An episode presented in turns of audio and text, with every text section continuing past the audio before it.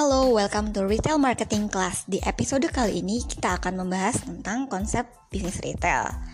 Tujuan pembelajaran dari materi konsep bisnis retail yang pertama adalah mahasiswa dapat menjelaskan definisi bisnis retail. Yang kedua, dapat menjelaskan karakteristik bisnis retail. Yang ketiga, dapat menjelaskan ruang lingkup bisnis retail. Yang keempat, dapat menjelaskan fungsi retail dalam rantai distribusi. Yang kelima, dapat menjelaskan tipe bisnis retail. Oke, kita masuk ke definisi dulu. Menurut Manser tahun 1995, retail adalah penjualan barang dan jasa kepada masyarakat. Yang kedua, menurut Barman dan Evans tahun 1992, manajemen retail adalah aktivitas-aktivitas bisnis yang meliputi penjualan barang dan jasa kepada konsumen untuk penggunaan personal atau penggunaan pribadi, penggunaan untuk keluarga ataupun kebutuhan penggunaan rumah tangga. Yang ketiga, menurut Davidson tahun 1988, bisnis retail adalah bisnis yang mana lebih dari 50% penjualannya adalah untuk melayani konsumen dengan motif pembelian untuk uh, kebutuhan pribadi atau kebutuhan uh, keluarga. Nah, jadi kita sudah menyimak tiga definisi dari tiga ahli. Sekarang kita dapat simpulkan berarti retail itu adalah uh, bisnis yang mana penjualannya adalah kepada konsumen akhir dan motivasi pembelian konsumennya adalah untuk kepentingan sendiri dan tidak untuk dijual kembali. Retail ada bermacam-macam, mulai dari produk, jasa, penjualan langsung, mail order, internet, multi level marketing, grosir sampai produsen. Nah, maksudnya ruang lingkup retail ini bisa menjual barang, produk yang berbentuk barang atau berwujud seperti buku, properti, makanan, minuman, dan sebagainya yang berwujud. Nah, Retail juga bisa menjual jasa yang tidak berwujud, misalnya seperti hotel, rumah sakit, salon. Nah, itu juga termasuk retail atau laundry juga termasuk retail. Selama penjualannya itu kepada konsumen akhir dan tidak untuk dijual kembali.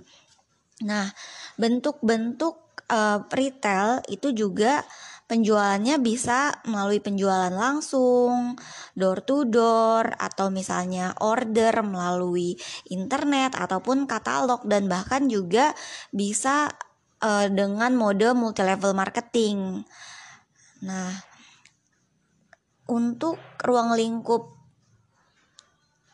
retail juga bisa dilakukan oleh produsen ataupun distributor selama pembeliannya tadi adalah untuk dipakai sendiri dan tidak untuk dijual kembali. Nah, itu jadi ruang lingkup retail bermacam-macam ya, tidak hanya di satu ruang lingkup saja. Nah, fungsi retail dalam rantai distribusi apa sih? Yang pertama, retail itu sebagai perantara antara distributor dengan customer akhir atau perantara antara produsen dengan customer. Bayangkan kalau tidak ada custom, tidak ada retail, tidak ada retailer, kita sebagai customer harus repot-repot misalnya datang ke produsen dulu untuk mencari satu barang atau ke distributor. Nah, tapi dengan ada retail, retail itu biasanya lokasinya berada dekat pemukiman warga sehingga kita juga untuk menuju ke lokasi retail lebih mudah dan lebih uh, nyaman untuk customer karena di retail biasanya tersedia beberapa banyak pilihan barang di satu lokasi. Nah, retail juga berfungsi sebagai penghimpun berbagai kategori atau jenis barang yang menjadi kebutuhan konsumen. Retail juga berfungsi sebagai tempat rujukan atau referensi untuk mendapatkan barang yang dibutuhkan. Nah, jadi kalau kita sebagai customer atau sebagai konsumen datang ke lokasi retail, lokasi toko, atau misalnya kita lihat browsing barang di internet, misalnya di marketplace atau di websitenya. Nah itu jadi referensi untuk kita, nah karena biasanya visual-visual di retail itu baik online ataupun offline menarik yang membuat kita uh, ingin untuk membeli barang tersebut walaupun kadang misalnya kita nggak terlalu butuh tapi ternyata pada saat kita melihat visual di retail itu kita jadi mau beli. Nah itu uh, fungsi dari retail. Karena dia sebagai tempat referensi bagi customer untuk membeli barang. Nah, retail juga sebagai penentu eksistensi barang dari produsen di pasar konsumsi. Nah, jadi produsen juga bisa uh, mengecek di retail. Misalnya barang apa sih yang lagi hype, barang, apa yang sedang uh, dicari oleh market, barang apa yang misalnya kurang diminati. Nah, itu jadi bisa jadikan rujukan bagi produsen baik dalam mendesain produk selanjutnya atau dalam mengatur stok uh, agar tidak over ataupun tidak uh, kurang tidak terlalu sedikit. Nah, itu jadi ada beberapa fungsi dari retail. Nah, selanjutnya kita akan membahas karakteristik bisnis retail. Bisnis retail mempunyai empat karakteristik yang utama. Yang pertama, retail itu biasanya kuantitasnya tidak terlalu banyak atau small enough quantities. Biasanya karena custom retail ini kan konsepnya membeli barang, uh, pembelian barangnya untuk kebutuhan sendiri atau kebutuhan keluarga atau kebutuhan rumah tangga. Otomatis berarti jumlah barangnya yang dibeli itu tidak terlalu banyak. Nah, makanya biasa retail itu uh, karakteristiknya small enough quantities atau kuantitas kuantitinya cukup kecil. Nah, yang kedua, karakteristik bisnis retail itu breaking bulk. Nah, breaking bulk itu maksudnya dia memecah barang yang banyak menjadi kecil. Nah, misalnya kalau di distributor, konsumen itu harus membeli barang dalam jumlah banyak kan. Nah, sedangkan kalau di retail kita bisa membeli barang sedikit-sedikit. Nah, jadi me membuat fungsi yang sebelumnya tidak ada di distributor jadinya ada di retail. Kita bisa beli barang-barang uh, dalam jumlah kecil. Nah selanjutnya yang ketiga adalah impulse buying. Nah impulse buying ini adalah uh, atmosfer atau visualisasi dari retail tersebut yang membuat kita tergerak untuk membeli. Kita jadi mau membeli karena melihat visual dan atmosfer di toko itu. Nah, misalnya penataan barangnya menarik, terus juga ada diskonnya, ada promo-promo yang ditawarkan, atmosfer tokonya cozy, nyaman yang membuat kita betah berlama-lama. Nah, jadi uh, itu juga karakteristik dari bisnis retail. Nah, yang keempat adalah store condition. Nah, kalau online berarti website conditionnya ya. Nah, kalau kita bicara offline, berarti kaitannya dengan lokasi toko, lalu uh, jam buk jam operasionalnya, jam buka dan jam tutup toko, efektivitas penanganan barangnya, misalnya barangnya selalu available, terus juga vari variasinya banyak dan tingkat harganya bersaing. Nah, itu adalah empat karakteristik dari bisnis retail. Tipe bisnis retail itu bisa dibagi berdasarkan beberapa kategori. Yang pertama, kalau kita membagi tipe bisnis retail berdasarkan ownership atau kepemilikan, kita bisa bagi menjadi tiga. Yang pertama adalah independent retail firm atau uh, kalau kita artikan adalah suatu outlet retail yang dimiliki dan dioperasikan secara independen dan tidak uh, tidak berpartner atau tidak berafiliasi dengan dengan pihak lain. Contohnya misalnya di sekitar kita ada warung, toko kelontong atau toko-toko yang memang dimiliki sendiri, tidak secara partnership dengan pihak lain. Nah, yang kedua itu adalah tipe waralaba atau franchising. Nah, pengertiannya ini sendiri adalah suatu sistem pemasaran atau distribusi barang dan jasa di mana sebuah perusahaan induk atau disebut franchiser memberikan kepada individu atau perusahaan lain yang disebut franchisee untuk um, memasarkan atau mendistribusikan produk dari franchise dari franchiser tersebut dengan merek dari si franchiser. Contohnya seperti kebab Turki, uh, Baba Raffi, terus juga KFC, McD, Starbucks. Nah, itu contoh-contoh dari retail dengan tipe kepemilikannya franchise. Jadi dia tidak memiliki sendiri, tapi biasanya franchisee itu membeli uh, hak untuk memasarkan atau hak untuk mendistribusikan produk dari si franchiser dan di bawah dari merek si franchiser tadi. Nah, yang ketiga itu ada namanya corporate chain. Nah, corporate chain ini adalah suatu kelompok yang terdiri dari dua atau lebih bisnis yang saling berkaitan atau berhubungan dalam suatu manajemen dan dimiliki oleh suatu kelompok pemegang saham. Contohnya seperti di Kompas Group itu kan ada uh, Gramedia, terus ada yang perusahaan medianya, uh, Kompas TV. Nah, itu kan saling berkaitan atau misalnya kayak um, Indomaret sama Indogrosir. Nah, itu kelompok bisnis terdiri dari bisnis-bisnis uh, yang saling berkaitan. Nah, selanjutnya di jenis retail yang berdasarkan produk atau barang dan jasa yang dijual. Nah, kalau di retail jasa atau service retailing itu ada tiga jenis. Yang pertama rented good service atau uh, tipe retail jasa yang menyewakan uh, barangnya, nyewakan jasanya, sorry. Nah, di sini para pelanggan menyewa dan menggunakan produk-produk dari uh, si retailer tadi. Contohnya misalnya jasa sewa baju pengantin atau jasa sewa uh, kalau zaman saya dulu ada jasa penyewaan komik, penyewaan CD. Nah, itu contohnya di adalah dari rented good service di mana pelanggan itu menyewa dan menggunakan produk-produk tertentu dari si retailer dan membayarkan fee dari uh, penyewaan bar, uh, jasa tersebut. Nah, yang kedua adalah own good service.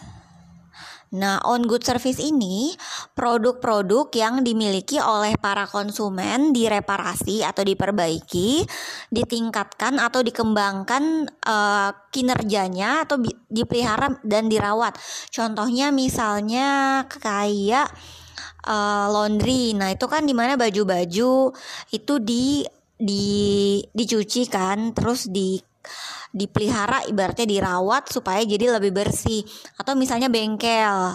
Bengkel itu mereparasi memperbaiki mobil atau motor dari yang uh, punya barang tersebut.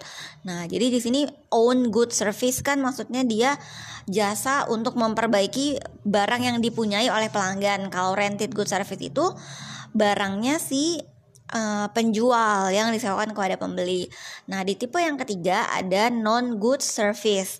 Non good service ini adalah uh, karakteristik khususnya itu jasanya yang personal yang bersifat intangible atau tidak berbentuk produk fisik yang ditawarkan kepada konsumen misalnya seperti uh, Gojek, Gokar atau Uber jasa transportasi, jasa delivery. Nah, itu tipe-tipe retail salon itu juga uh, yang retail jasa yang berbentuknya tidak yang tidak berbentuk barang. Nah, selanjutnya ada produk retailing. Kalau tadi service retailing, sekarang produk retailing. Produk retailing ini biasanya dibagi menjadi empat jenis. Yang pertama ada toko serba atau toko serba ada atau uh, grocery store disebut juga grocery store. Nah, menurut Departemen Perdagangan Amerika Serikat, Departemen Store itu adalah suatu perusahaan eceran yang memperkerjakan paling sedikit 25 orang dan memiliki penjualan pakaian dan peralatan rumah tangga kurang lebih sekitar 20% dari penjualan totalnya. Nah, di tipe yang kedua ada toko khusus atau specialty store. Cirinya nih kalau specialty store barang yang dijual itu terbatas atau sedikit. Jadi misalnya kalau di toko serba kan semuanya ada, namanya juga toko serba ada. Nah, di specialty store ini dia misalnya khusus jual fashion produk, cuman jual baju atau cuman jual sepatu pokoknya barang yang dijual itu uh, kategori barangnya terbatas atau tersedikit hanya sedikit. Nah, lalu ada department store yang menjual barang eh, barang-barang seperti biasanya seperti pakaian yang dijual tuh barang-barang non basic items. Nah, jadi beda kalau toko serba lebih banyak ke ke, ke makanan, kalau department store itu lebih banyak barang-barang yang uh, bukan barang kebutuhan dasar tapi seperti lebih ke pakaian, spray. Contohnya kalau di Indonesia seperti Matahari. Nah, itu Matahari Department Store kan kita tahu barang-barang yang dijual seperti baju, pakaian ya, terus spray, handuk. Nah, itu di uh, biasanya di department store menjual barang-barang seperti itu. Nah, jadi kalau misalnya kalian mau membuat retail kategorinya nih jangan sampai kalian uh, salah menamain tokonya misalnya mau buat department store tapi barang yang dijual tadi uh, khusus makanan nah itu cocoknya kan tos serba nah, seperti itu kalau secara pengkategorian retail ya. Nah, yang paling besar ada namanya hyperstore. Nah, ini rentang kategori barangnya sangat luas. Contohnya seperti hypermart, giant. Itu Hero. Nah, itu kan rentang-rentang uh, barangnya itu sangat luas dari makanan, pakaian, alat pembersih, itu semuanya ada di situ. Nah, itu adalah tipe dari produk retailing. Nah, yang ketiga nih ada, ada namanya non-store retailing. Nah, berarti dia retail yang tidak berbentuk toko. Yang pertama ada multi-level marketing atau MLM. MLM itu adalah model penjualan langsung dengan sistem komisi penjualan berperingkat berdasarkan sistem keanggotaan dalam jalur distribusi. Nah, jadi biasa kan namanya juga penjualan berjenjang ya. Jadi uh, kalau di sini biasanya member yang disebut upline yang masuk ke MLM itu duluan, dia akan mendapatkan komisi baik itu komisi penjualan produk atau komisi juga dari tiap member yang masuk dan dia juga akan dapat komisi kalau membernya itu uh, berjualan. Nah, makanya disebut komisi penjualan berperingkat. Nah, yang kedua ada vending machine, vending machine atau mesin penjual otomatis. Nah, di sini kita juga udah banyak jumpai di airport, terus juga di beberapa rumah sakit uh, swasta yang besar juga ada di kantor-kantor tertentu pun juga sudah banyak kita temui vending machine. Nah, lalu di tipe jenis yang ketiga ada mail and phone order. Nah, di sini um, penjualannya itu dilakukan melalui pemesanan dengan menggunakan katalog-katalog tertentu, misalnya lewat pos atau telepon. Nah, tapi memang sekarang udah jarang kita melakukan pemesanan melalui mail dan phone order. Nah, kita sekarang lebih banyak di kata di tipe yang keempat nih, e-commerce, electronic commerce atau perdagangan elektronik itu penjualan melalui internet misalnya website di Shopee, Tokopedia, uh, Bukalapak atau website dari tokonya sendiri. Nah, jadi memang non storytelling ini membantu para pebisnis atau pengusaha yang uh, ingin mengembangkan uh, produknya, mengembangkan penjualannya atau perusahaannya agar tidak terkendala dengan uh, penggajian atau pengeluaran biaya yang besar di SDM. Nah, karena kan dia non store kan.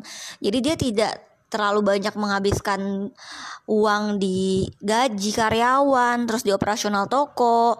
Dan ini alternatif yang banyak dilakukan sekarang itu non storytelling. Nah, kita juga ke depannya harus uh, mengembangkan produk-produk kita itu di tipe retail yang non store karena kita tahu apalagi di zaman pandemi seperti sekarang itu kan masyarakat uh, dianjurkan berada di rumah, tidak sering keluar uh, keluar rumah. Nah, otomatis kan mereka nggak ke toko. Nah, kita harus mengoptimalkan retail yang non toko, penjualan melalui internet. Terus juga misalnya penjualan melalui jalur jalur-jalur lain yang tidak perlu ke toko. Misalnya lewat WhatsApp kita kirim katalog juga sekarang bisa. Nggak perlu bikin website kita bisa ke uh, marketplace. Nah jadi sangat mudah sekarang para pebisnis itu memanfaatkan jalur-jalur uh, penjualan jalur-jalur distribusi